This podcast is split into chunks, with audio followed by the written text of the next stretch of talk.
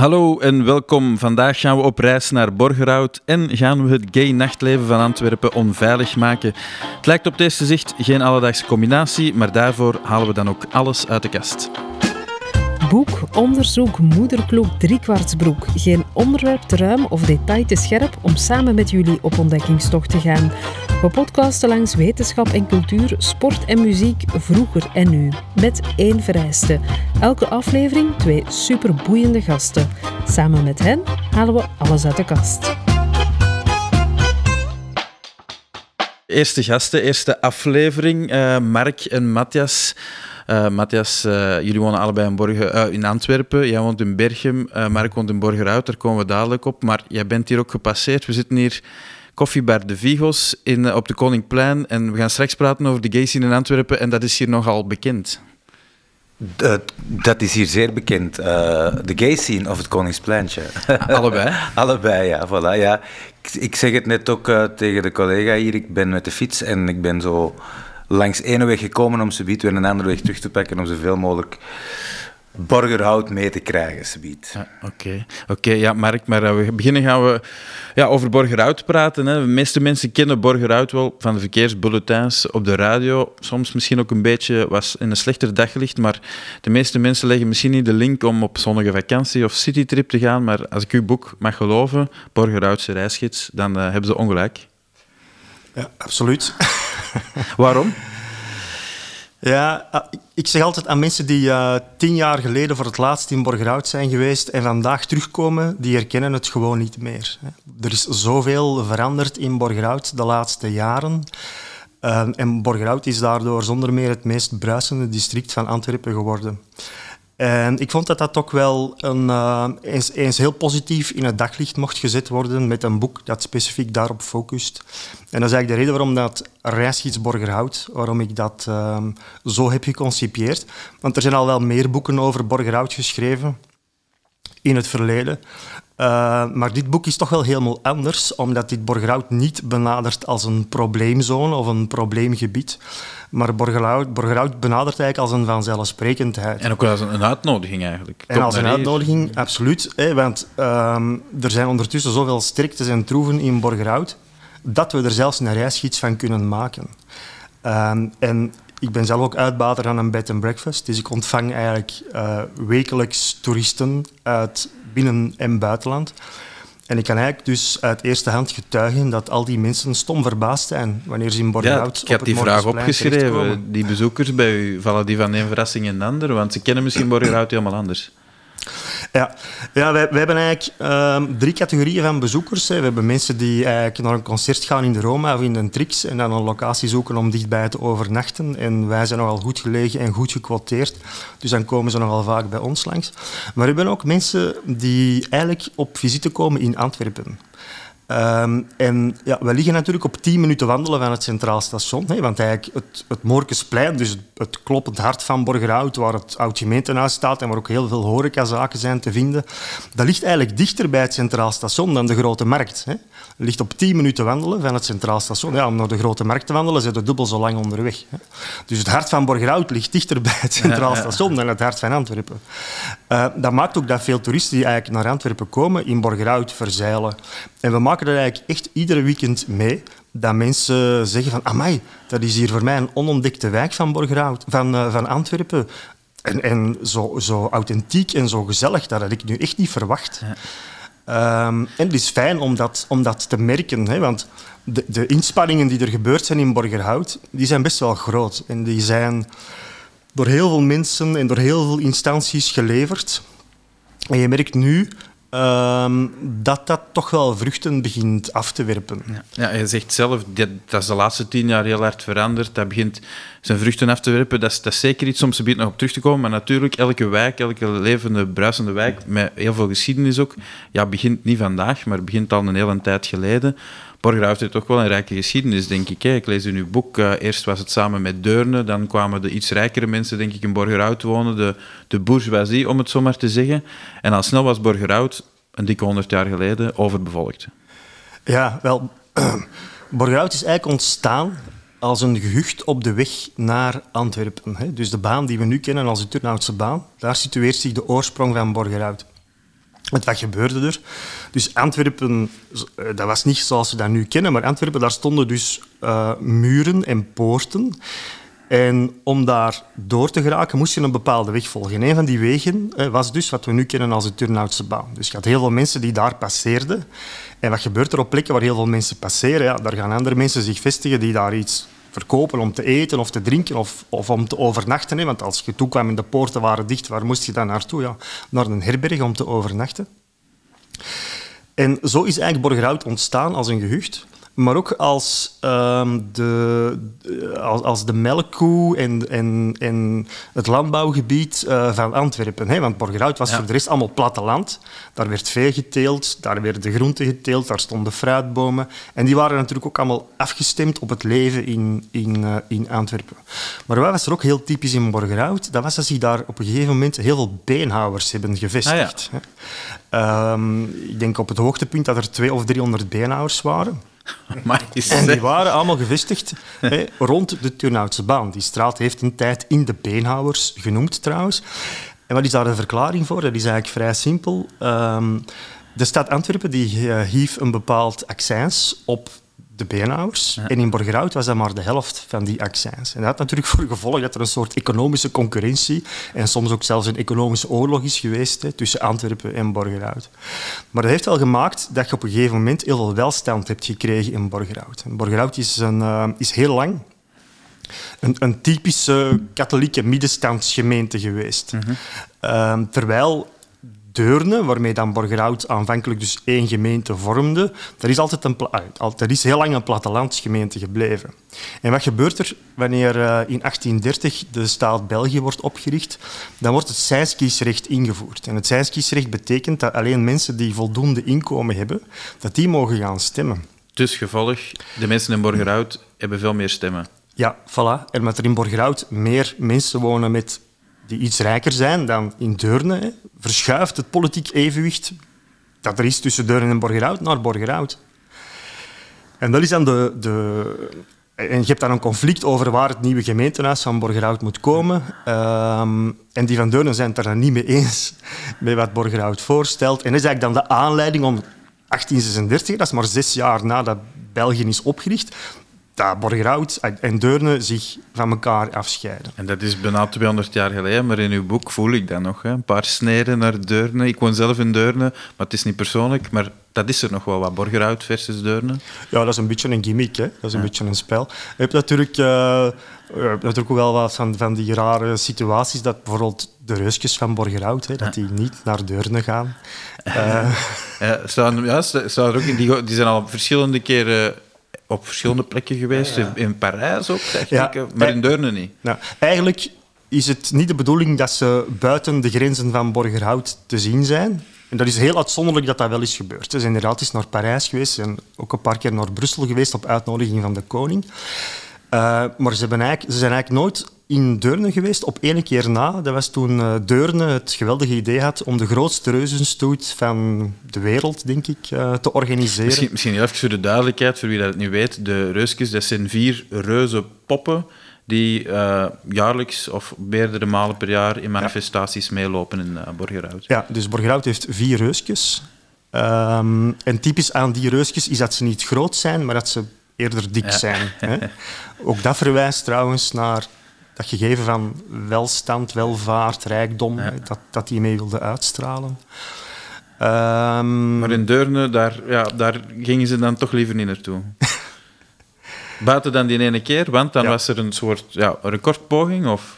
Ja, en dan zijn ze natuurlijk wel komen assisteren en hebben ze mee ervoor gezorgd dat uh, Deurne het record gehaald heeft. Dus zo erg is het uh, Ze hebben het komen redden eigenlijk. Ja, dat zou je kunnen zeggen. Ja, ja. Kende jij de reusjes met? Ik bij naam en ik heb ze ook al gezien, een paar keer. Uh, ja. Maar het is wel een fenomeen, hè? er is ook een reusjesloop en vaak allee, parades en zo. Iedereen kent de reusjes van Borgerhout. Ja, heel, heel Borgerhout leeft mee met de reusjes. En je vindt inderdaad heel, heel veel handelszaken die in hun naam verwijzen naar de reusjes. Uh, en eigenlijk is er iets fantastisch gebeurd met de reusjes. Hè. Uh, want die reuzenstoet die gaat meer dan 300 jaar terug in de tijd. Hè. 1712 was de eerste keer. Uh, nu, toen ik in Borgerhout kwam wonen, dat was in het jaar 2001, Ehm, ik kende de Reuzenstoet natuurlijk wel, want ik had ook school gelopen in Borgerhout, maar ik woonde toen in Deurne. Stel je, stel je Stel voor. voor, dus, uh, het is toch nog mogelijk om Ja, uh, te verhuizen en aanvaard te worden. Nee, nee, geen probleem. Ehm, de eerste keer dat ik, toen ik in Borgerhout woonde, in 2001, en ik naar de Reuzenstoet ging kijken, ik had mijn ouders zelf uitgenodigd, want mijn moeder is van Borgerhout afkomstig. Ja. En wij stonden op het Moorkesplein uh, met zeven mensen te kijken. En dat was ongelooflijk triestig. Dat was ongelooflijk triestig. Um, en dat choqueerde mij eigenlijk. Ja. Want in, in mijn herinnering als kind was dat een groot feest. Ja. Hè? En dan was dat gewoon nu een treurig schouwspel. En er is een omslag gekomen in 2012, als ik het mij goed herinner, toen, de 300ste, toen het 300 jaar geleden was dat de eerste reuzenstoet ging uitgaan. En uh, toen heeft men het, het uh, geweldige idee gehad in Borgerhout om alle Borgerhoutse verenigingen, scholen, uh, buurtclubs, buurt, jeugdverenigingen ook uit te nodigen om ook een reus te maken. En allemaal in eigen thema misschien. Of, ja, helemaal zoals ze het zelf willen. En dat had voor gevolg dat er, dat er een, een massale respons ja. gegeven werd aan die oproep. Uh, maar ook dat er massaal veel mensen stonden te kijken naar die reuzenstoet. En dat is echt een moment, we hebben zo'n aantal momenten in de recente geschiedenis van Borgerhout, die echt zo een omslag zijn, die wijzen op van hier is iets aan het veranderen. En dit ja. is daar een vooruitwendiging van. En die, die reuzenstoet is daar een, een prachtig voorbeeld van. Want dat bewijst dat iets dat eigenlijk stokoud is, hè, zoals die... Want zoals ze zien er nog altijd hetzelfde uit. Ja, ze zijn nog altijd... Het zijn niet meer de originele poppen, hè, want die staan in het mas. Uh, maar het zijn replica's en de kledij die ze dragen is nog wel altijd de kledij zoals ja. ze was in 1712. Hè. Ze is wel hermaakt, maar het is wel de mode van toen. Hè. Terwijl in veel, veel andere gemeenten die ook reuzen hebben, worden die reuzen om de tien jaar krijgen die een andere outfit. Ja, in Borgerhout is dat niet zo. Dat is toch straf dat dat dan zo... Hè, die, oude, die oude kledij, dat spreekt dan toch nog de mensen en ook de jongeren ook wel terug aan. Ja, ik denk dat het veel te maken heeft met het formaat van de reusjes. Hè. Want de reusjes van Borgerhout die kijken niet op u neer zoals je met grote, lange neus, reuzen hebt. En dikwijls zien, zien die, die poppen van die, van die grote reuzen zien er soms ook een beetje kwaad of boosaardig uit, of toch wat angstaanjagend. Maar de reusjes van Borgerhout die zien er gewoon schattig uit. Ja. En um, ook door het feit dat ja, er zitten ook echte mensen in. Hè? En je ziet die hun handen, hè? Mm -hmm. niet hun hoofd, want die zitten natuurlijk, daar zit een pop rond. Uh, maar je ziet ook hun benen en dat maakt ook wel dat je ze wel, ook wel een beetje herkent als, als ja. menselijk. En ze zien er ook, ja, door, het, door, door hoe dat ze eruit zien, door hun aanblik, uh, zijn ze ook super schattig. En um, je, ja, je merkt dat die ook super populair zijn in Borgerhout. Um, we hebben die reuzenstoet gehad um, eind vorig jaar, toen Little Amal ook is gekomen. Juist, juist, ja. Dat stond dat, in alle kranten. Ja, nee, dat was dus die, uh, dat uh, meisje, Syrisch meisje, stelde het voor, dat uh, een tour maakte uh, heel, door heel Europa. dat was wel Londen. gigantisch groot. Dat, ja, was... dat was een gigantisch grote pop, ja, maar het, ze hebben dat gekoppeld aan de traditionele reuzenstoet van Borgerhout en dat was ongelooflijk. Het was een ongelooflijk spektakel. Het, het stond zwart van het volk. Nooit zoveel volk gezien. Dan, En zie eigenlijk- je, ja, dan zie je toch dat die geschiedenis ja, toch nog wel wat, wat leeft. En zelfs ook in een, een district of in een, eh, ja, een gemeente, of hoe moet ik het zeggen, in Borgerhout, waar heel veel nieuwe mensen wonen, die misschien nog niet veel met Borgerhout te maken hebben, maar toch spreekt die folklore nog wel aan dan. Ja, dat klopt. En dat heeft echt te maken met die aanpak. Hè. Dus ze hebben er echt een verbindend schouwspel van gemaakt. Ze willen echt dat heel Borgerhout eigenlijk zich verenigt rond die reusjes en die komt toejagen. Wat eigenlijk ook wel gebeurt. En ze doen dat ook door... Bijvoorbeeld in die reuzenstoet lopen echt heel veel vrijwilligers mee, die die reuzenstoet mee in goede banen leiden. En die vrijwilligers die, die zijn eigenlijk afkomstig van Borgerhoutse jeugdverenigingen. hè. Ja. Dus heel veel Borgerhoutse jeugd wordt op die manier ook ingeschakeld en geapprecieerd om deel, deel te zijn van de gemeenschap. Ja.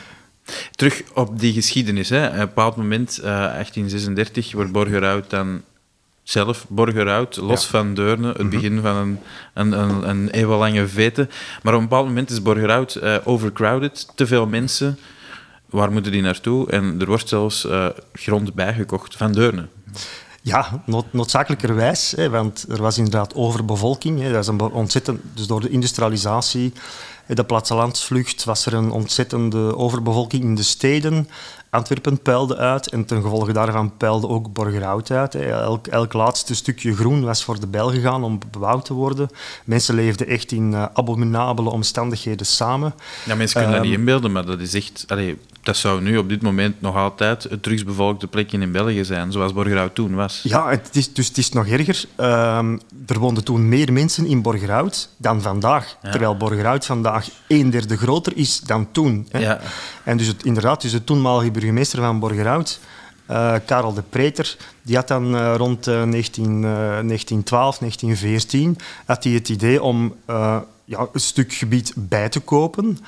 En dat is eigenlijk heel de wijk rond het de Park geweest. Hè. Dus het de Park was voorheen uh, in handen van een adellijke familie, de familie Kogels.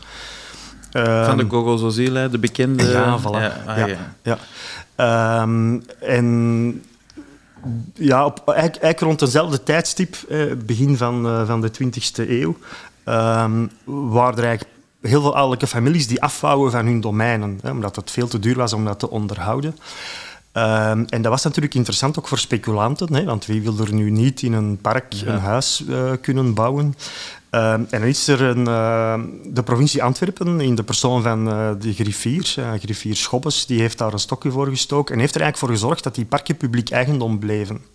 dus de, de overheid heeft dan de gemeenten aangesproken om die parken te kopen, zodanig dat die konden opengesteld worden voor het publiek. Want laat ons niet vergeten, ehm, tot, tot daarvoor waren er eigenlijk geen parken voor gewone mensen. Hè. Parken waren voor de bourgeoisie, die, ja, ja. voor de adel die daar mocht gaan wandelen. Maar het gewone plebs, die mochten niet in parken binnenkomen. Ja. Um, Kunt u bijna niet inbeelden hè, dat dat vroeger nee, nee, nee, voilà. Want nu, iedereen die dat geen tuin heeft, en zo zijn er heel veel mensen in Borgerhout, die trekken naar de parken, die trekken naar het Park, of ook Rivierenhof wordt hier ook aangehaald. Dat is eigenlijk een beetje die in hun tuin. Zeker die afgelopen twee jaar ook wel meer dan ooit, denk ik. Hè? Met, met al die coronatoestanden en inderdaad heel veel gezinnen die op appartementen of zo, dat je merkt dat die toch heel veel die parken inderdaad zijn gaan. Ja, je kunt er echt niet inbeelden dat je daar gewoon niet in mocht. Nee. En, en, de grond was al zo beperkt. Misschien kort even zeggen, Stefan is nog niet aan het woord geweest. Stefan is uh, technieker en uh, stelt uh, soms ook een paar goede vragen. En het is inderdaad zo. Um, en daarvoor was het ook wel bedoeld, denk ik. Als tuin voor de mensen die gewoon ja. niks meer hebben. Ja, dat klopt. Hè. Dus, want ook als je naar de huidige verhoudingen kijkt, er, er, staat wel een boom in het wapenschild van Borgerhout, maar er staan weinig bomen in Borgerhout zelf. Ja. Um, Buiten in, in de, de naam Borgerhout. Ja, ja, ja. ja Borgerhout Borgerhout was het bos van Antwerpen. Ja, voilà. Dat is ook de oorsprong van de naam Borgerhout. Um, dus er zit, Borgerhout heeft hele groene wortels, hè. dat is ja. wel duidelijk. Maar um, uh, vandaag de dag heeft Borgerhout het minste groen van, uh, denk van, uh, van heel Vlaanderen. Hè. Ja. Of van heel België misschien. er is één vierkante meter groen per inwoner in Borgerhout, terwijl men zegt dat je eigenlijk over vier vierkante meter per inwoner moet beschikken om een beetje comfortabel minstens, te zijn. Minstens, eh, minstens ja. linkeroever is het 20 vierkante meter, om maar even te vergelijken. Ja. Uh, dus in Borgerhout is dat echt een probleem. En dat is um, dus nadat ze de Boulaardpark hebben aangekocht. Ja, ja, Daarvoor dus was het gewoon... Is, ja, dus dat is in kluis het de Boulaardpark. Ja. En, uh, en, de, en, de, en de mensen die daar rond wonen, natuurlijk Borgerhout Extramuros hè, is veel groener, is veel rustiger, is veel ruimer dan Borgerhout Intramuros. Ja. Um, er is er nog één park, Krugerpark, hebben ze ook ontwikkeld, zelfbewust. Ja, dus dat is daar een, een mooi voorbeeld van. Um, het, het Krugerpark, daarvoor heeft men dus echt een heel huizenblok moeten platgooien. Hè. Ja. We spreken over... Hey, dus om dat even te schetsen, Tweede Wereldoorlog, heel veel huizen beschadigd en vernietigd. Um, je krijgt een politiek om krotten op te ruimen en te vervangen door nieuwbouw.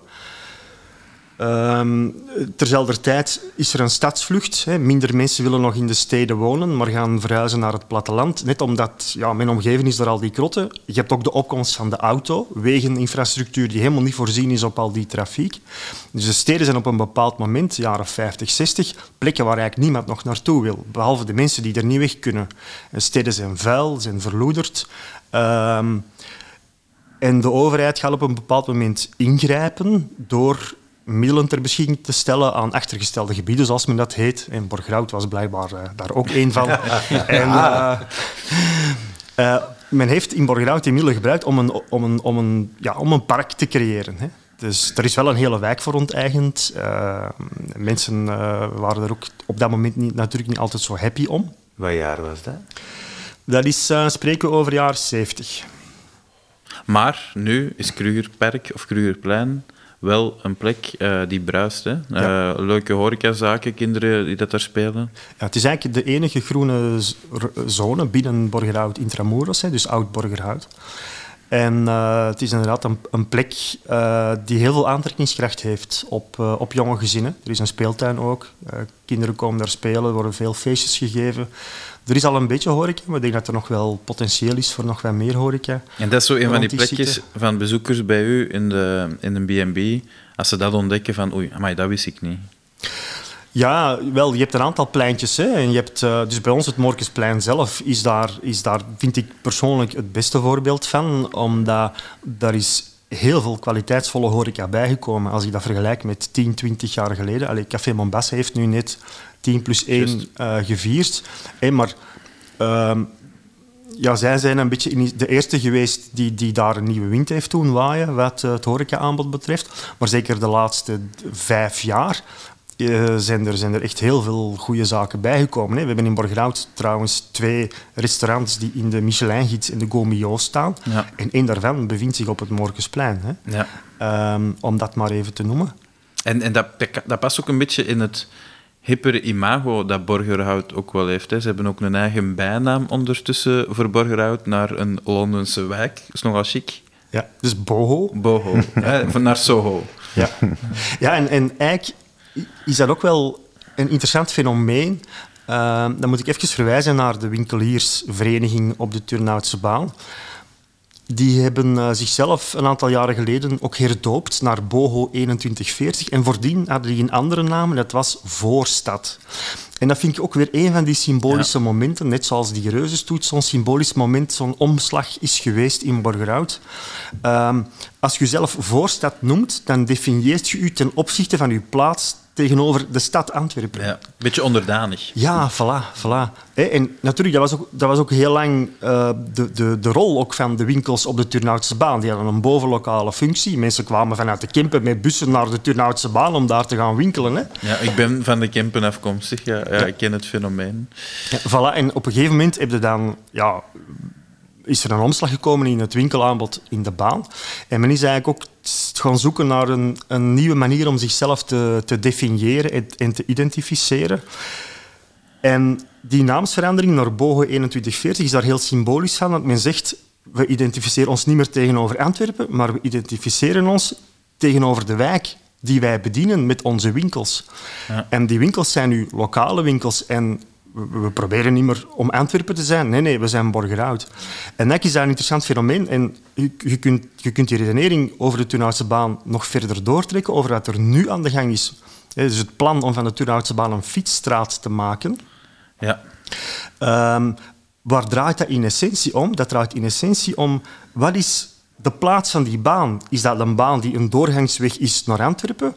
Of is dat een baan die een bestemmingsweg is voor de mensen van ja. Borgerhout? Het valt ook op dat het vooral mensen uit Antwerpen zijn die wat tegenstanders zijn, hè, ook op politiek niveau. En in Borgerhout zien ze dat wel zitten. Ja, dat klopt. Ja, ik denk dat in Borgerhout heel veel mensen, en ik mag mezelf er ook toe rekenen, blij zijn dat er eindelijk iets gebeurt met die baan. Absoluut. Ja. absoluut. Ja, want ik denk iedereen kent het hier ja, ook wel. Ja, absoluut. Dat is niet de aangenaamste baan om, om over te nee, fietsen nee. Of, of, of met een auto ook niet. Ik kende het idee ook al en nu dat ik u het idee erachter hoor vertellen ook, vind ik het alleen maar interessanter ook. Zeker naar Boho toe uh, hè, en naar, naar zijn inwoners ook. Omdat je inderdaad harder aan jezelf werkt als, uh, als, ja. als zijnde Borgerhout en los van Antwerpen. En ik kan me voorstellen dat inderdaad dat ze er Antwerpen tegen zijn, want het blijft natuurlijk een slagader naar Antwerpen. Ja, maar, hè, allee, dat ook, ja. En je hebt ook juist gezegd in uw boek, staat het ook, Turnhoutse Baan is een winkelstraat. Mm. En een winkelstraat is toch niet echt gediend met heel veel autoverkeer. En, en nog, nog streffer, wat ik niet wist, uh, en als ik er nu over nadenk, daar staat niks leeg. Hè. Dat, nee. dat, is een levende winkelstraat. Hè? En dat is bijna uitzonderlijk ja. tegenwoordig. Maar, maar eigenlijk, eigenlijk loopt Antwerpen achter op om het even welke andere stad in Vlaanderen of in de wereld wat dat betreft. Hè. Ga naar Leuven, de Bondgenotenlaan. Herinnert u dat? Van, ja. ik weet niet, tien jaar geleden. dat was ook een autobaan. Hè? Ja. Nu kunnen we daar gewoon rustig wandelen. Ehm, we gaan daarom het even welke andere stad. Gaan naar Brussel. Aanspachlaan. Brussel, de Aanspachlaan. Ja. Daar stond in de file te aan te schuiven. Dat Vorige week toevallig voor de eerste keer geweest en dat is fantastisch als je dat dan vergelijkt met inderdaad 10, 15 jaar geleden. De, Die Aansprekkelaan, dat is... En dat is nog altijd maar in ontwikkeling. Ja, hè. dat want- moet nog ja, mooier worden. want je Ja. zegt ook, Turnhoutse baan, daar staat niks leeg, maar ik denk dat... Allee, beter me als ik daar fout in redeneer, maar ik denk als daar een fietsstraat wordt, of, of dat dat enkel maar positiever gaat zijn voor, al, voor de diversiteit van die winkels ook, denk ik. En, hard. en misschien ook de rond dan. Ja. Nu, er, er is wel wat ongerustheid over wat de impact gaat zijn van die Mhm. fietsstraat. hè, want je hebt ook scenario's waarin men zegt ja, er, gaan, er gaan lange files komen van auto's. Eh, maar eigenlijk zit daar ook wel de redenering achter dat die auto's een andere weg moeten zoeken. Mhm. hè, en niet meer, zich, niet meer daar moeten zijn, behalve degenen die er echt moeten zijn. Hè. En dat is een mentaliteitswijziging en dat vergt wel wat, wat werk. Terzelfde tijd is er wel een ander probleem, en dat is dat het openbaar vervoer ehm Borgerhout op een ontzettend slechte manier bedient. Hè, want er loopt een, een eh, pre-metro-tunnel onder Borgerhout, die ook in gebruik is. Maar het... ehm, Het heeft geen halte op de Turnhoutse maar baan, voilà, hè. dus de halte op de Turnhoutse baan, dus de, de drink, die, eh, tot nog toe was er gezegd dat die in eh, 24 ging openen. Nu, ik heb de plannen van de lijn gezien, de ontwerpen eh, van de pre-metro-stations, en er is sprake van dat die eind 26 pas zouden openen. Dus je kan eigenlijk alleen maar concluderen dat, eh, dat Antwerpen ongelooflijk achterop loopt en dat Borgerhout eigenlijk mee pusht om wat vooruit te geraken. Turnhoutse een van de iconen op de Turnhoutse baan, misschien ook wel een van de bekendste namen voor het grote publiek, is natuurlijk eh, de Roma. Hè. Nu een, eh, een ja, evenementenzaal of een concertzaal eerder, Er wordt van alles georganiseerd. Maar dat is ook nog niet zo, zo lang. Hè. Dat is eh, een, een mooi verhaal eigenlijk. Ja, ja, dus de Roma is eh, eind, eh, jaren, eind jaren 1920 opgericht als eh, toen op dat moment de grootste bioscoopzaal van Antwerpen, 2000 zitplaatsen. Ehm, heeft, een, eh, heeft een heel groot stuk geschiedenis geschreven. Eh, is ook heel lang de feestzaal geweest van Borgerhout. Op een gegeven moment heeft eh George Heilen, de, de filmmagnaat van Antwerpen, ook de Roma in zijn pocket gekregen. Ehm, en je ziet, er gebeurt ook een, een maatschappelijke evolutie natuurlijk. En dat is de opkomst van de televisie. En heel veel variëteitstheaters, Ja, heel veel bioscopen lijden daaronder. Ja. En ook Cinema Roma. en ehm, op een gegeven moment ehm, ja, komt de zaal eigenlijk leeg te staan. Ehm, en ze wordt dichtgetimmerd. Ze wordt eigenlijk gebruikt als opslagruimte door het Technisch Instituut, dat daar om de hoek eh, school heeft. En dat is eigenlijk waanzinnig. En, Dus, en vooral ook de inkom was een automatenwinkel. ja, ja. Het, het heette Ja, het. het Daar stonden dus automaten. Ja, ik weet dat ook nog. Ja, Ja. dat is nog niet zo lang geleden. Hè. Nee, nee, dat is nog niet zo lang geleden. Eh, want ik herinner me toen wij juist in Borgerhout woonden, een van, een van de reuzenstoeten toen, begin jaren 2000, was de Roma terug opengegaan. En wij gingen toen kijken. En er stond zo'n geweldig groot decap-orgel te spelen. En dat was zo'n geweldige ervaring. Ehm, en eigenlijk, de, de heropstanding van Borgerhout hangt voor een groot stuk ook weer samen met de heropstanding van de Roma, of de heropening van de Roma. En dat is een geweldig project, ook omdat dat ook weer vanuit burgers is, is vertrokken, vanuit mensen die Ja. de potentieel zagen van die zaal, die dan gaan bedelen zijn bij de overheid, bij winkeliers, die de hulp hebben gekregen van honderden vrijwilligers die die zaal mee terug op orde hebben gezet. En nog altijd vandaag beroep Ja. doen op heel veel vrijwilligers die die, die, die zaal meedraaiende houden. En dat is een fantastisch verhaal. Ja, dat vind ik ook ongelooflijk. Als ik daar kom, dat je nadenkt dat het allemaal vrijwilligers en hoe gedreven en hoe fijn en hoe proper en hoe in orde. En vind ik echt een ongelooflijk mooi verhaal, waar het er veel van kunnen leren, denk En, ik. en, en het is ook gewoon een ongelooflijk mooie zaal. Ik denk dat heel veel Ja, artiesten prachtig. kunnen getuigen. eh, dat is een van de mooiste zalen om in op te treden in Vlaanderen. Ja, het is een magnifieke zaal. En ze, ze brengt heel veel volk naar Borgerhout. En Voilà. ze zorgt er ook voor dat, eh, ja, ik zou zeggen, de snackbars die zich rond de Roma bevinden, dat En die de ook, cafés. eh, en de cafés en de B&B's, dat die toch ook eh, veel, veel cliënteel vanuit daar krijgen. Maar als je het dan hebt over het toeristisch potentieel van Borgerhout, ja, er zijn, we hebben in Borgerhout drie van de belangrijkste kunst- en cultuurcentra van Antwerpen. Hè. We hebben de Roma, al genoemd. We hebben ook de zaal Trix. Ook een grote concertzaal tegen de single. Ja, en we, en we hebben eh Zeno X, de kunstgalerij, die verhuisd is van het Antwerpse Zuid naar Borgerhout, naar een zijstraat van de Turnhoutse baan. Dus dat is toch ook wel niet niks. Uh, En dat zegt ook wel iets over Borgerhout. Borgerhout uh, is ook wel echt een, een plek waar cultuur bedreven wordt.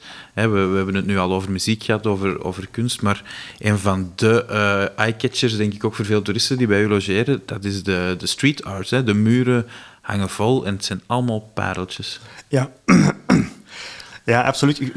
Voor ik daar nog één ding ja, zeggen. We, we, hebben geen museum in Borgerhout, maar we hebben wel het kleinste museumpje ter wereld. Ja. Uh, Automata in de Kroonstraat. Ik raad iedereen aan daar eens te passeren. Je moet een euromuntje meenemen en dan kan je zelf uh, al een hendel draaien en dus zo'n automata, dus zo'n bewegend poppetje in beweging uh, brengen. Dat is een ja. fantastische ervaring. um, en we hebben inderdaad sinds, uh, sinds een paar jaar toch een paar prachtige muurschilderingen, ook van een paar geweldige artiesten. Um, een van de mooiste en meest betekenisvolle muurschilderingen is zeker die van Mala Zimetbaum. Ja, dicht bij het Morgensplein. Um, ja, dicht bij het Morgensplein. Dus als je van de Plantijn en Moretuslei komt en uh, richting Morgensplein gaat, dan kom je die dus tegen.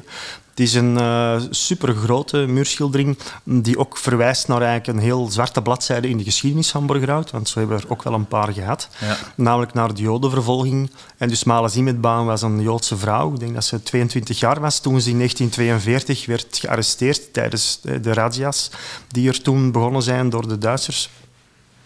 En ze is dan uh, opgepakt en uiteindelijk uh, naar Auschwitz-Birkenau, het kamp van Auschwitz-Birkenau uh, in Polen, weggevoerd. Um, en ze speelde eigenlijk een belangrijke rol omdat ze meerdere talen machtig was. Ze had uh, eigenlijk een rol als, als vertaalster, waar haar ook in staat stelde om boodschappen door te geven van de ene naar de andere gevangenen. Um, en ze is erin geslaagd om uh, te ontsnappen uit dat kamp. Ja samen met, uh, haar, met, een, met nog een tweede gevangene. Um, maar ze zijn natuurlijk helaas gevat en gefolterd en dan voor de ogen van alle medegevangenen ook terechtgesteld als uh, voorbeeld van voor wie het nog in zijn hoofd zou halen om, om weg te vluchten. Nu, het triestige wat ik hier echt, echt aan moet toevoegen, en dat is iets dat mijzelf nogal gechoqueerd heeft toen ik mijn onderzoek voor mijn boek aan het doen was. we weten dat in Antwerpen er procentueel veel meer Joden zijn gedeporteerd geworden dan het Belgische gemiddelde. Ook omdat maar in... er een grote Joodse gemeenschap ja, is in Antwerpen. Ja, ja, ja, maar ook als je het met Brussel vergelijkt ah, ja, bijvoorbeeld okay. ook. Maar uh, in Borgerhout was het nog, nog erger. Hè. Dus in Borgerhout is driekwart van de Joden gedeporteerd. Dat is meer dan de 60% in Antwerpen. Um, uh, en dat is eigenlijk een pikzwarte bladzijde en er is jaren over gezwegen. Er is nooit iets mee gebeurd. Hè. Er, is, ja, er is ooit een speeltuintje, het Malazim-baanplantsoen genoemd, maar er is nooit een herdenkingsteken geweest in Borgerhout, buiten aan het huis van Malazim-baum mm -hmm. zelf. Hè. Maar in de publieke ruimte is er nooit een herdenkingsteken voor geweest. En is het geweldig dat zo'n street art artiest dat, dat wel doet en dat wel kan doen. En het is direct een, een forse bladzijde, hè, want het is ik denk 15 meter hoog, minstens. Het is echt een heel flat gebouw, heel de zijkant vol. Uh, hoe heet de straat? Uh, het is tussen Plantijn Moretus en ja, het is uh, de Montenstraat. Ja, voilà, ik zou zeggen, iedereen is gaan kijken en ook ja. naar de andere ontelbare muurschilderingen in, in Borgerhout. Want het, het, het, het vormt Borgerhout wel, naast dan het historische component, want dat is er ook, de architectuur, om maar te zeggen, het gemeentehuis op de Morgensplein zelf. Ja, ja, dat is natuurlijk zonder twijfel de parel van Borgerhout. Hè. Zit dat gemeentehuis uh, twee kilometer verder in uh, Zurenborg. En, en, iedereen gaat foto's trekken, selfies. Er zouden bussen met Japanners komen kijken om, uh, om daar foto's van te trekken. Uh, maar het, heeft, uh, ja, het staat op het Morkensplein. Ja. En dat heeft dan blijkbaar voor gevolg, omdat dat in Borgerhout staat, dat dat ook in geen enkele Antwerpse reisgids staat. Hè. Dat was ook een van de dingen, ja, dat was ook een van de dingen die mij, die mij echt verbazen. Ja. Um, zat, er, zat er iets van Borgerhout in de Antwerpse reisgidsen? Ja, wat er, ja, de Roma staat er meestal ja. in. En het ecohuis op de Turnhoutse baan staat er ook meestal maar in. Het stadhuis van, uh, van Borgerhout of het gemeentehuis, nu de ja. Ja. heeft ja, het is echt, een plek. Het is echt een prachtig gebouw. Je kan het trouwens ook bezoeken. Ik ga er een beetje reclame voor maken. Want doen. de District Borgerhout heeft ook uh, zelf een, uh, een soort audiotour gemaakt. En je kunt het eigenlijk elke namiddag kan je het bezoeken. Even op de website van borgerhout.be kijken. Ehm, Een klein detail ook, het is een van de enige met een, eh, een werkend ehm Bijaard. bijaard. Hè? Ja, ja dat, dat, dat eh, gemeentehuis, zoals het aanvankelijk gebouwd is, eh, heeft toch wel voor wat primeurs gezorgd in onze vaderlandse geschiedenis. Het was het eerste dat elektrisch verlicht werd. Ah ja, juist. Ehm, dus ongeveer tien jaar nadat Thomas Edison de gloeilamp had Voor wat uitgevonden. periode spreken we? Ja, dus het is gebouwd 1889, hè, dus hetzelfde jaar als Parijs zijn Eiffeltoren kreeg, Ah, ja. kreeg Borgerhout zijn gemeentehuis. Wat een jaar. Eh, ehm, en ook heel bijzonder is dat er dus ook een bijaard werd ingehangen. En eh, waarom is dat bijzonder? Want er zijn nog wel meer gemeentehuizen waar een bijaard inhangt. Maar eigenlijk was Borgerhout, ehm, wanneer we kijken naar de Belgische geschiedenis, was Borgerhout daar als eerste bij. Eh, omdat Borgerhout zich eigenlijk spiegelde aan de late middeleeuwen. Hè. Dus heel die bouwstijl, de, de Vlaamse neorenaissance heet dat.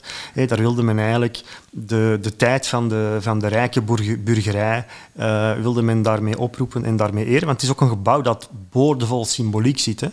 Nou, zowel aan de buitenkant als aan de binnenkant eh, zitten daar zoveel details in. Eh, ik kom er zelf af en toe ehm, en ik verbaas me er altijd over wat, welke pracht en praal daar te zien is. Ja. En ook te horen dan? De bijaard horen we ook nog? Ja, de Bijaard horen we. Hij speelt ehm, elk kwartier, half uur en uur speelt hij een deuntje. En dat is een deuntje uit de Reuzendans. En, eh, dus het, het reuzenlied van, Bor- Ah, ja. van Borgerhout. En, Altijd hetzelfde. Ja, dus de mensen die er ja. wonen, jij ook, Merk, jullie horen het elke dag meerdere keren. Ik heb daaraan moeten winnen, maar ik moet zeggen, hij heeft- een tijd stilgelegen toen ze de toren in het gemeentehuis aan het renoveren waren. En ik miste het. Ja. Ik miste het. Dus ik was blij dat hij terug speelde. En ehm, het district Borgerhout is zo tof om ook eh, geregeld bijaardconcertjes te organiseren. Daar kan je zelfs verzoeknummertjes voor indienen. Ehm, dat dus de bijaardier een bepaald nummer speelt eh, op de bijaard dat jij graag wilt horen. Ja. En na alle fantastische historiek dat jij juist vertelt, wil ik even terug zeggen dat dat dus niet in een Antwerpse toeristengids staat. Schandalig. hè? Ik denk dat we bij deze, even, nog Ja, even aan. bij deze een petitie op moeten Ja, starten. Maar een reden ik, te eh. meer om een reisgids Borgerhout te kopen. Ja, voilà. Reden Nee, nee, maar, meer voor uw boek, maar het is, inderdaad. het, is, het is waar. Ik, vind dat, ik, vind, ik, ik versta dat niet. Ik want ik wist dat ook allemaal. Ik weet een beetje van, ah, van, van alles, maar ik ken het gebouw uiteraard. Ik ben er heel veel gepasseerd, ook van genoten. Ook, maar ik kende die historie niet, omdat je dat volgens mij ook gewoon minder meekrijgt. En van de andere gebouwen van Antwerpen wel, ook al ben je van de Kempen. En dat- dan denk ik, allee, het eerste Ja. openbaar gebouw met elektriciteit, eh, nog steeds actief en bijaard en bezichtigen en renoveren. Dan denk ik, ja, Antwerpen, hallo, bent u daar nog? Ja, ja maar eigenlijk bij, bij uitbreiding, ik vind dat ook over de musea in Antwerpen. Hè. Dus Antwerpen heeft heel veel prachtige musea, eh, niets dan lof daarvoor.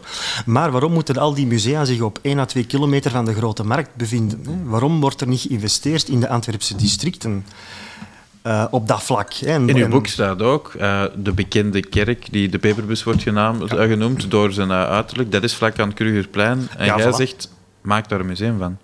Ja, voilà. Dus Borgerhout heeft eigenlijk heel wat geschiedenis die zou kunnen verteld worden in zo'n museum. We hebben, we hebben de, reus, de originele reusjes staan in het mas. Ja, haal die terug naar Borgerhout, zet die in het museum, vertel daar een verhaal rond dat echt over de community gaat. Maar we hebben ook heel wat andere geschiedenissen. Hè. Borgerhout heeft ook altijd een, is altijd heel sterk asso- geassocieerd geweest met de immigratie naar Antwerpen.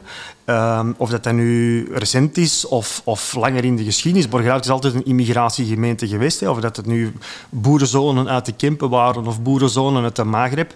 Ze zijn allemaal naar hier gekomen op zoek naar werk. Ja. Hè. Ik vind dat trouwens een titel voor uw volgende boek.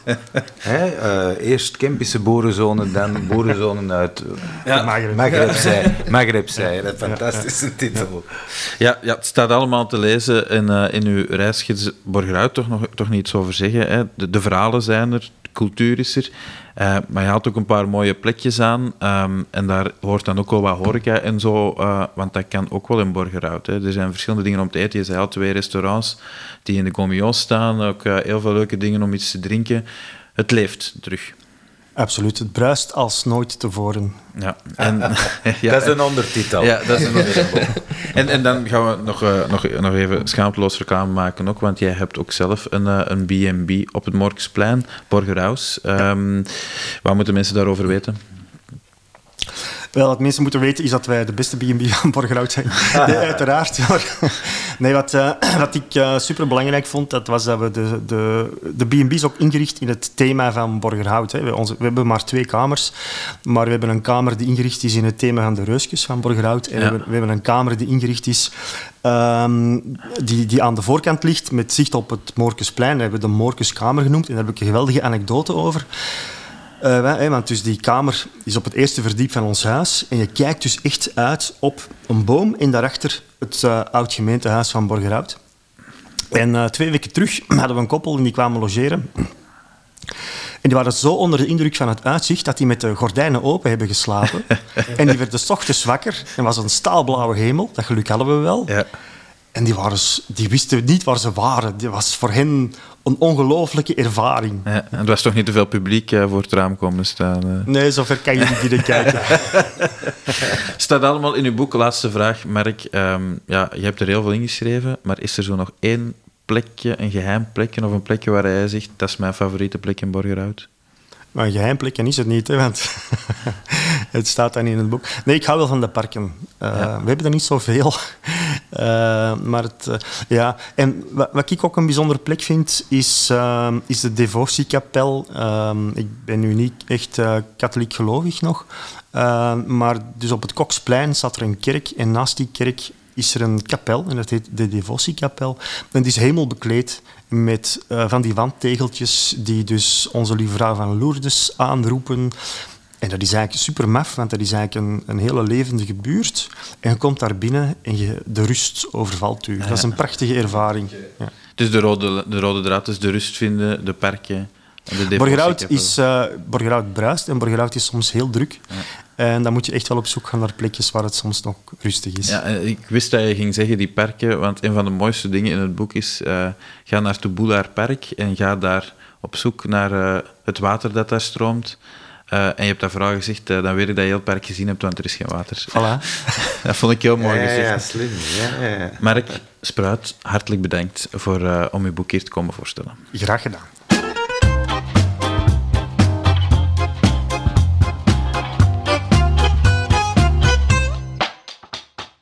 Ja, voilà. Um, Mark, ik ga, ik ga toch nog één vraag aan u stellen. Ben jij ooit in Café Strange geweest?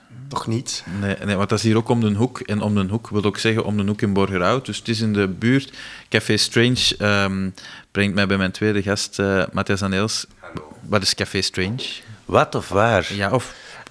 uh, Café Strange is, uh, zoals ze zeggen, het oudste homocafé van Antwerpen dat nog open is. Nu net niet meer, helaas, maar nog heel lang open geweest.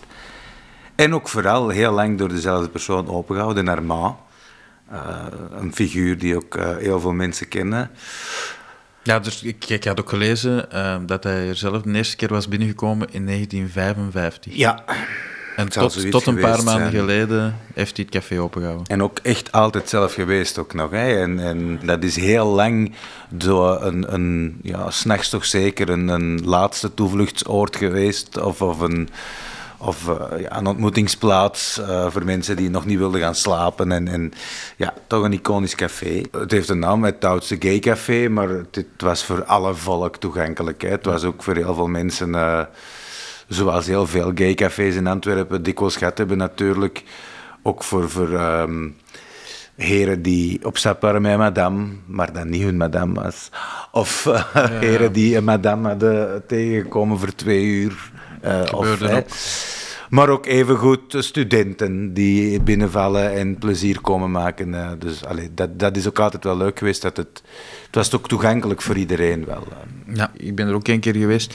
Maar waarom dat je vooral zit, is omdat je wel veel bezig bent ook met, uh, ja, met die gay scene, hoe dat door de jaren gegroeid is. En Café Strange was wel gewoon het begin van een beetje gay scene in Ja, ik heb dat toch ook altijd gedacht, maar omdat ik nu um, bezig ben samen met uh, kameraad van mij. Allee, hij is begonnen met een, hij wilde een reeks maken over gay gerelateerd. Een televisiereeks. Een televisiereeks, sorry, ja. En um, ik ben daarmee bijgesleurd en dat is al een jaar een leuk avontuur. Ik kan daar niet veel meer over zeggen. Maar ja, het thema is in de gay-sfeer en het gaat over de jaren 70, eh, zal ik nu zeggen. Eh, en mij leek ook dan altijd het verhaal van de Strange het begin, omdat we waren begonnen met eh, het, het verhaal achter de Rue de Vaseline. Jij zult die benaming wel kennen, denkelijk. Iedereen in Antwerpen. Ja. Ja, maar, Maar dat is nu hier om niet de meer. hoek. Heel, dat is heel raar nu. Ik hoor meer en meer dat ze dat niet meer kennen. Niet alleen jonge mensen, maar ook zo. Hè, want iedereen in Antwerpen kende die benaming. De Rue de Vaseline was de, de Van Schoonbekenstraat. Van Ik weet Schoonhoven. zelfs niet of dat zo.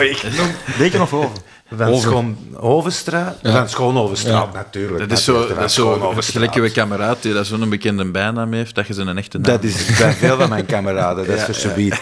Eh, dus dat is de straat waar een tram doorrijdt, eh, naast, als je voor het hotel staat op het Astridplein, rechts naast het plein. En dat was eh, van... En, en dat, die, die tram rijdt tot hier op de Die Koninkplein. rijdt tot hier, dus ja. hier om de hoek, ja. Ja, en dat was in, de- vanaf, ja, toch zeker begin jaren 80, zeker half jaren 80 tot half jaren 90, eind jaren 90.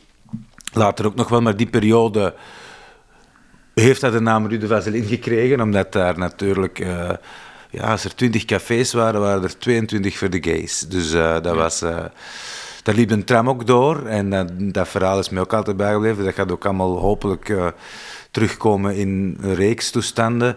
Eh, ja, daar pakten de mensen de tram voor ook te kijken, hè, want dat was de, kijk, de kijktram. En eh, veel van mensen die ik nog ken, of die verhalen van ken, zeiden ook, we deden het er ook voor. Hè. We gingen dan in de portiertjes van de cafés staan, want sommige cafés waren afgesloten of toch wat donkerder, of kon het niet goed binnenzien.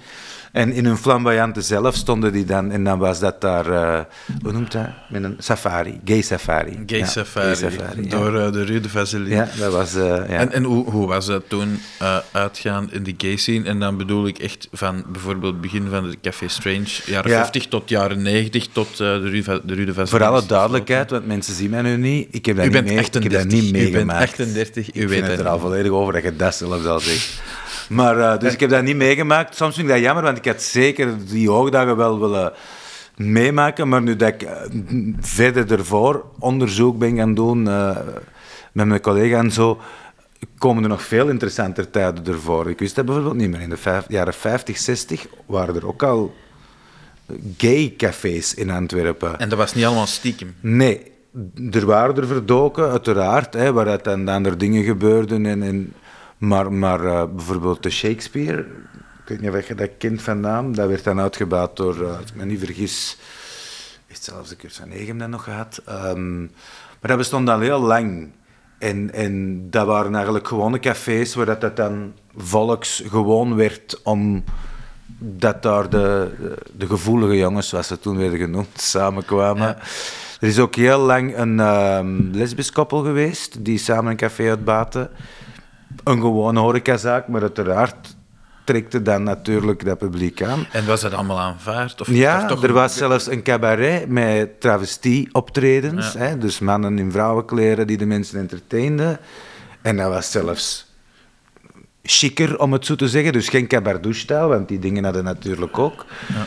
Wat ik allemaal van verschoot. En dat publiek was ook hoofdzakelijk eh, een hetero publiek, om het zo te zeggen. Dus, dus dat, dat vond ik heel ehm, verrassend dat dat zo vroeg toch wel was. Maar ik denk dat dat vooral allemaal zaken zijn die gegroeid zijn naar wat ze dan uiteindelijk waren. Maar was het dan niet zo van, ja, het is oké, zolang dat, dat we het niet te hard zien? Want bijvoorbeeld, een deel van, van, van heel het verhaal is ook vanaf dat er de eerste bekende mensen eh, op de voorgrond traden, dat ze Ja. homoseksueel waren, ja, dan, dan was het gemiddelde Vlaamse gezin of, of eh, wel op zijn tenen. Ja, het heel gekende verhaal is natuurlijk dat van Wilferdi bijvoorbeeld. Hele succesvolle Vlaamse zanger, tot die zichzelf outte. Eh, met bijstand van zelfs een geestelijke, dus een pastoor. Begin jaren 70. Dat was in 70 of 71, ik wou het kwijt zijn. En eh, dat was eh, de schande en de schok in België was fenomenaal. Ehm, je kunt nog beelden terugvinden, onder andere in het programma van eh, Xavier Taverne. Taverne. Hij heeft een reeks ehm, gemaakt over de mannen. Over de, Ja, voor, de mannen. voor de mannen. Voor de mannen. Voor de mannen, uiteraard. Over de mannen, voor de mannen heeft hem gemaakt. door de geschiedenis Ja. heen. En Wilfred komt er ook in. Voilà, en dan, dan lieten ze beelden zien van mensen die ze interviewden op straat voor het journaal. En één mevrouw, fantastisch, want ze zag eruit precies Tine Embrechts in het Peulengaleis. in een typeke en, en die zegt, meneer, dat doen ze bij de beesten nog niet zoiets. wat, wat ten eerste natuurlijk chockerend wel ergens is, maar langs de andere kant is het niet waar, want het gebeurt nergens zoveel als bij de beesten. Maar, allee, dat, is- dat is dat, om maar te zeggen, inderdaad, hè, wat we niet weten of wat niet uitgesproken wordt, dat, dat, dat was natuurlijk veel harder. Maar was het dan ook niet wat dat hier in Antwerpen kon? Dat kon ook alleen maar hier in Antwerpen Ja. en in Gent en in Leuven, maar niet eh, op platteland. Tuurlijk, ik veronderstel dat dat verschil natuurlijk onwaarschijnlijk veel groter was hè, ehm, in steden. En dan ook nog eens eh, land per land. Hè. Vergeet niet, het allereerste homocafé was in de jaren 20 in Amsterdam. Uiteraard. 100 jaar geleden. Nog maar 100 jaar dat 100 jaar mensen geleden, hopelijk ja. een homocafé hebben. Ja. En zelfs daar was de regel nog dat mannen enkel met vrouwen mochten dansen. En hoe, hoe evolueert dat dan? Want in de jaren 50 begint dan een café Strange en dat is altijd maar meer. Totdat we dan hier op de Rue de Vaseline komen. Ja. Eh, ja, hoge dagen, jaren 80. Ja, zeker eind jaren 80, begin jaren 90. Eh, en ik weet uit zeer eerste hand enorm veel heel sappige verhalen erover. Ik moet er eigenlijk ook eens een boek over schrijven. eh, voordat dat weg is. Want er zijn, en dat is natuurlijk ook eh, een goede kameraad van mij, Stefan Etienne ook, eh, heeft dat heel actief meegemaakt. Zowel uitgaan als werken als Ja. de vedette van de straat, om het zo te zeggen. Maar die zegt ook, er is bijna niemand over van toen. Hè. Ja, want we spreken ook over de periode Ja. dat heel veel HIV homo's eh, toen, ziek eh, werden, aids kregen ja. en dat er nog niet veel tegen te doen was. En, en ik blijf dat chockerend vinden, want voor de reeks zijn we ook verschillende mensen aan, het- aan het eh, interviewen of, hè, van toen, een gays die hè, dat hebben meegemaakt. En Richard bijvoorbeeld, eh Tootsie, eh, de moeder der travesties in het Antwerpse toch zeker. Eh, pas meegetoerd trouwens met Ballet C de la B, met eh, Gardenia, waar ze een prachtige voorstelling hebben gemaakt over travesties in al zijn vormen, maar ook, eh, daar zitten ook transseksuele vrouwen bij. Van alles, heel mooie voorstelling, hebben getoerd over heel de wereld, om maar te zeggen, dat was heel tof voor mensen die allemaal op pensioen waren, voor dat nog te kunnen meemaken. En ik was aan het vertellen dat ze dus allemaal hetzelfde zeggen. En dat is ja, ja, wekelijks meerdere begrafenissen van iemand dat je kent. Kun je dat niet voorstellen? Dat zijn dus mensen van die generatie, Ja. ik denk dat we nu spreken over generatie 50, 60, 70 nu, die Ja. hebben allemaal heel veel vrienden verloren. Ja, ja, onwaarschijnlijk. Zeker mensen die in dat gamemilieu in de stad zaten. Hè. Ehm, want ja, natuurlijk, dat was uiteraard, om het eh, een slecht woord te zeggen, de broeihaard. Wel, natuurlijk. En was, dat, was- ja. was dat dan de ommekeer van, van het grote succes van de gay scene hier? Ik denk wel dat dat heel veel ermee te maken heeft gehad, maar ook natuurlijk, en dat is heel dubbel, want door het feit dat ze niet meer moesten samen trekken, want de, dat was een straat en er waren heel veel verschillende types, maar komt niet aan iemand van ons, want dat was een heel groot samenhorigheidsgevoel. Dat heb ik ook altijd meegekregen. Ook al zijn wij twee verschillende, heel verschillende homo's, zal ik zeggen. En, en ik maak elkaar belachelijk, wat dat in de scene ook wel... Maar we hebben wel dat één ding gemeen. Iemand anders mag daar niet aan. Ik mag u uitschuiten, dat gezegd, maar iemand anders niet. Ja.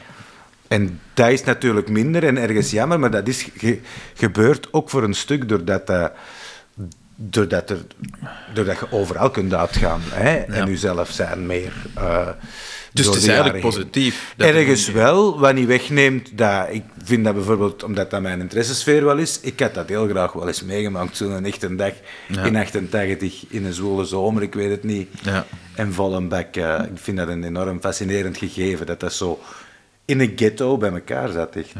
Wat, dat, wat dat wel een, echt een, een fenomeen is, en nu komen we een klein beetje bij een ander, eh, een, een ander, een ander deel.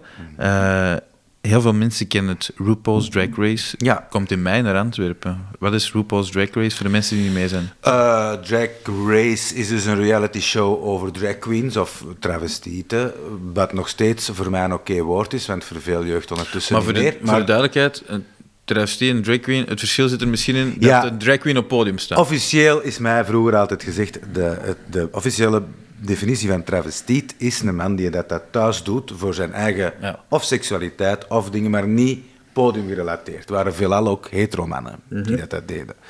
Maar natuurlijk, nu is drag queen een, een, een, een herkend woord door veel mensen.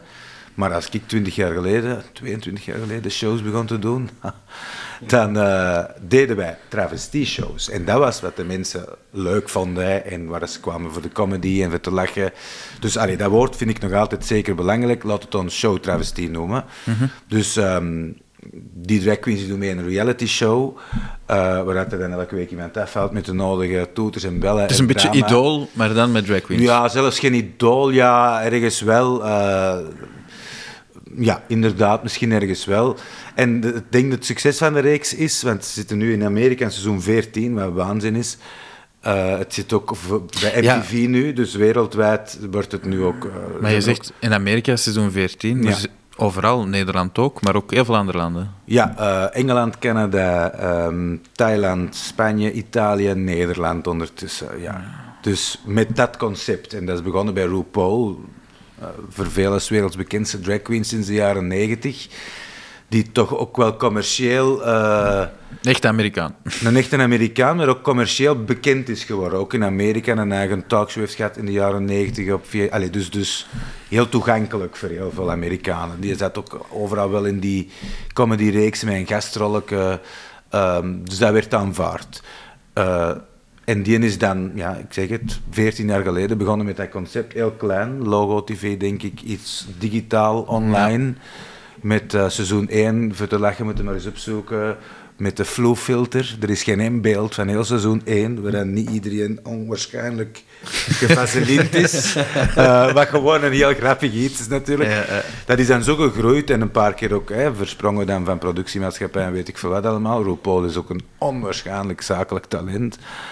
Ehm, maar dat is, ja, dat is waanzin. Hoe dat, dat, en door social media de laatste jaren zo'n ongelooflijke fanbasis heeft gekregen. Ja, is dat ook iets dat je zelf graag ziet? Ik zie dat heel graag, omdat dat natuurlijk in mijn dingen ligt. Maar voor mij is dat heel... eh, ik vind het fantastisch dat dat commercieel zo, zo eh, gekender wordt en, en aanvaard wordt en, en publiek trekt en wat nog allemaal. Maar dat is ergens wel dubbel, als in wat ze, hoe dat ze dat in Amerika beleven. Eh, zo beleven wij dat hier niet. Hier hebben wij altijd heel hard het cabaret-revue gevoel gehad. Ja, want van- voor de duidelijkheid, jij, jij doet al 22 jaar nu eh, ook drag queen shows Ja, ja. of travestie shows, zoals je het zelf kiezen, eh. dus ja, dat kan ik mij wel inbeelden. Als je eh, moet je kiezen. dat ik kan mij wel inbeelden dat, Ja. dat, dat dat wel iets is. En ik heb je- dat ook altijd gedaan, omdat ik heel graag mensen entertain. Hè. Jij weet dat het is. Ik heb nooit geen vrouw willen zijn, ik heb nooit niet per se de mooiste willen zijn, hoewel dat wel heel dikwijls is, maar dat moet ik zeggen. Zelfs nu nog. Nee, nee. Maar het, het gaat over het entertainen en dat zit hier, dat heeft in België en Duitsland en voor de rest bijna nergens op de wereld op die manier zo geweest tot nu de laatste 10, 12 jaar. Dus, eh, en, en dat is altijd de, de reden geweest waarom ik dat natuurlijk ook zo graag deed, omdat je entertaint en van alles en de mensen zijn fijn en je bent bezig. Nu in Amerika is dat een- gegroeid naar, ja, dat zijn ten eerste heel veel Instagram. Mensen, mensen die nog nooit gedanst hebben, komen daar niet eens meedoen en moeten daar dan een dansopdracht doen. Dus dat zorgt natuurlijk voor hilariteit. Eh, want Insta-famous is iets heel anders dan natuurlijk effectief eh, die dingen kunnen Ja, want, doen. Maar want voor de mensen die jou jou nog- nog, nooit aan het werk hebben Mhm. gezien, hè, jouw artiestennaam is Misty Moonlight. Jawel. Je bent wel bekend voor de moves eerder dan voor de Insta-poses. Ja, ja, absoluut. Instagram is voor mij... eh, ik heb dat, maar dat is heel moeilijk, dat weet jij ook.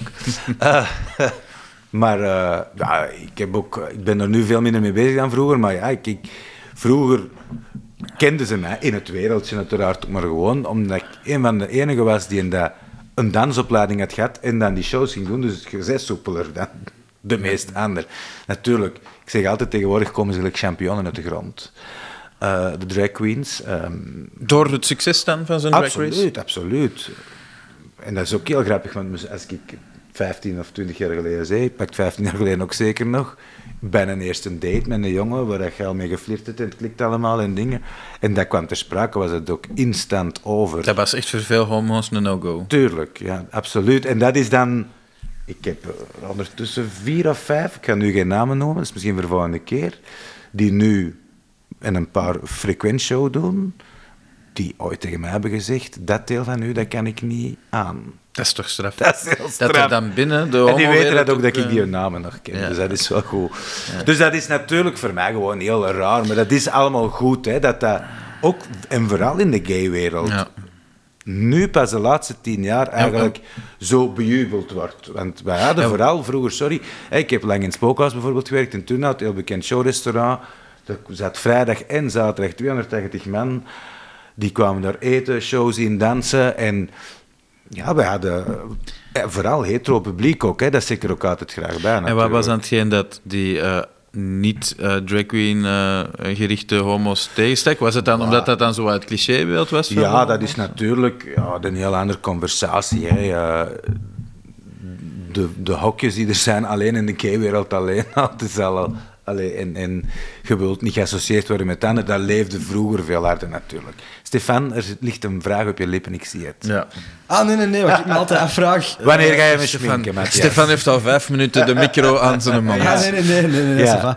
Eh, nee, hoe, dat je dat kunt, hoe je dat kunt beoordelen, of iemand die er niks van kent, zoals ik, ik kan er al helemaal zo het cabaretgehalte van zien, Ja, denk ik. ja. Maar hoe maakt je daar, het- of hoe dat jij dat is dus kijkt... wat ik ook moeilijk vind, want, want wat ik altijd gewoon ben geweest, is ook show brengen voor alle publiek.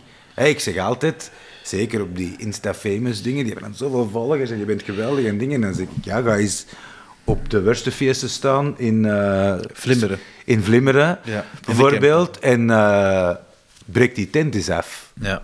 Hè, dat, dat, dat vind ik dat je dan moet kunnen. En dan, dan denkt je als publiek niet na over is dat goed of niet, want dan, als je geëntertained is, ben je. Dus, ehm, maar ja, natuurlijk, in, in Drag Race zelf zit daar een, een eh, jury die er van alles van kent. Met. En het is gewoon, het programma heeft ook heel veel Emmys gewonnen de laatste jaren. Het is ook gewoon heel populair bij iedereen, verre van gay alleen. Ook verre van vrouwen alleen, dus dat is wel heel leuk. Eh, omdat je natuurlijk een gouden combinatie hebt. Hè. Je hebt veel, veel kleur, veel plezier, heel veel onnozeligheid. ehm, maar er zitten ook ja, de ware verhalen in. Hè. De verhalen achter de mensen zijn soms wel schrijnend, of niet. Ja. Eh, en dat maakt het natuurlijk top tv, omdat je in dat reality-genre zit. Maar het onderwerp is er al zo over, hè, want het zijn mannen of en vrouwen en transgenders die zich als vrouw verkleden in elk geval.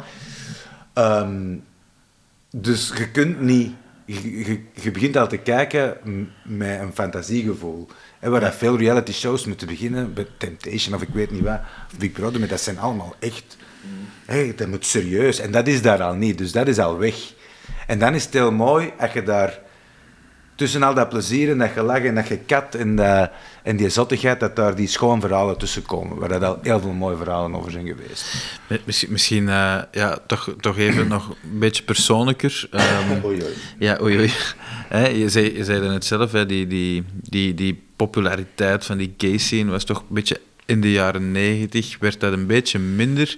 Eh, je bent eh 22 jaar geleden begonnen, dat was eind jaren 90. Eh, hoe ben jij ooit drag queen geworden? Dus ik ging eh, in het weekend eh weekendshop zoeken en waar wij vlakbij woonden, Tobias, eh, was het Spookhuis, zoals ik er juist zei. Dat was een thema-restaurant. Vlak op de grens Vosselaar-Turnhout. ehm, naast de autostrade, zonder buren, dus veel lawaai maken. En, en Maar 16 jaar. 16 Ik was- jaar en, ik was en- 16 en jij jaar denkt, toen. ik ga ja, ik weet dat ik ging... eh, ik kwam daar binnen voor te solliciteren, voor gewoon te garçonnen in het weekend mee, want daar hadden ze zoveel volk. Dat, en een babbel, en ik had wel al wat gedaan. En die zagen natuurlijk ook direct dat ik eh, flamboyanter was dan andere mannen die dat daar kwamen solliciteren. En ehm, ik weet nog dat hij vroeg, die eh, verantwoordelijk... Ja, jij weet toch dat hier ehm travestie-shows worden gedaan? Is dat een probleem? En voor mij was dat... Ah, als wist- je dat je- wist dat niet? over de...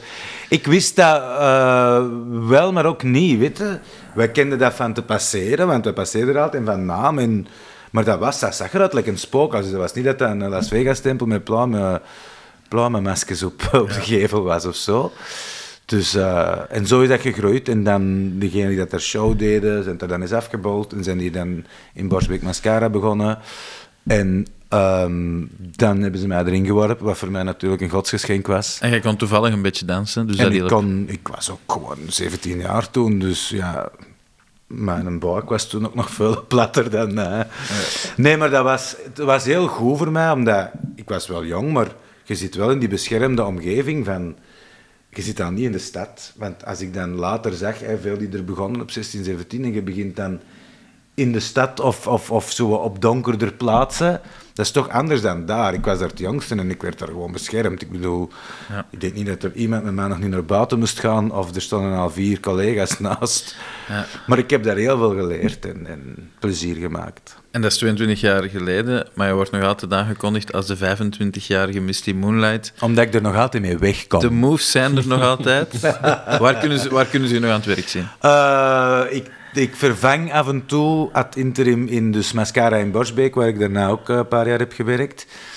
Ehm, ik geef af en toe een eigen show, eh, zoals bijvoorbeeld in de Bergen, bij ons in de Kempen. Eh, mm, voor de rest eh, momenteel bitter weinig. Ik wil het niet meer ehm, vast doen, zeker niet meer wekelijks.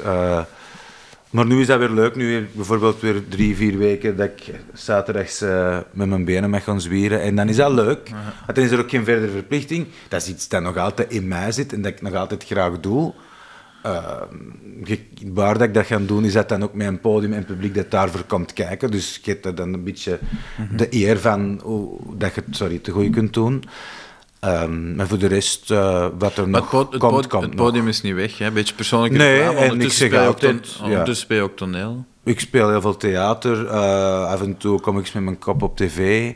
En eh, als daar dan ooit eh, een eigen Graham Norton moment van komt hier in België, dan kan ik dat alleen maar toejuichen. En dan mogen ze kiezen of dat ik dat gesminkt doe of niet. Misschien half Want ook op tv, momenteel in de buurtpolitie. Ja, bijvoorbeeld speel ik ook. Dus ik probeer ja, mij van alles van acteren en alles er rond. eh, Een homo universalis. een homo universalis. Echt. Echt. Een homo universalis. Echt een homo ja. universalis.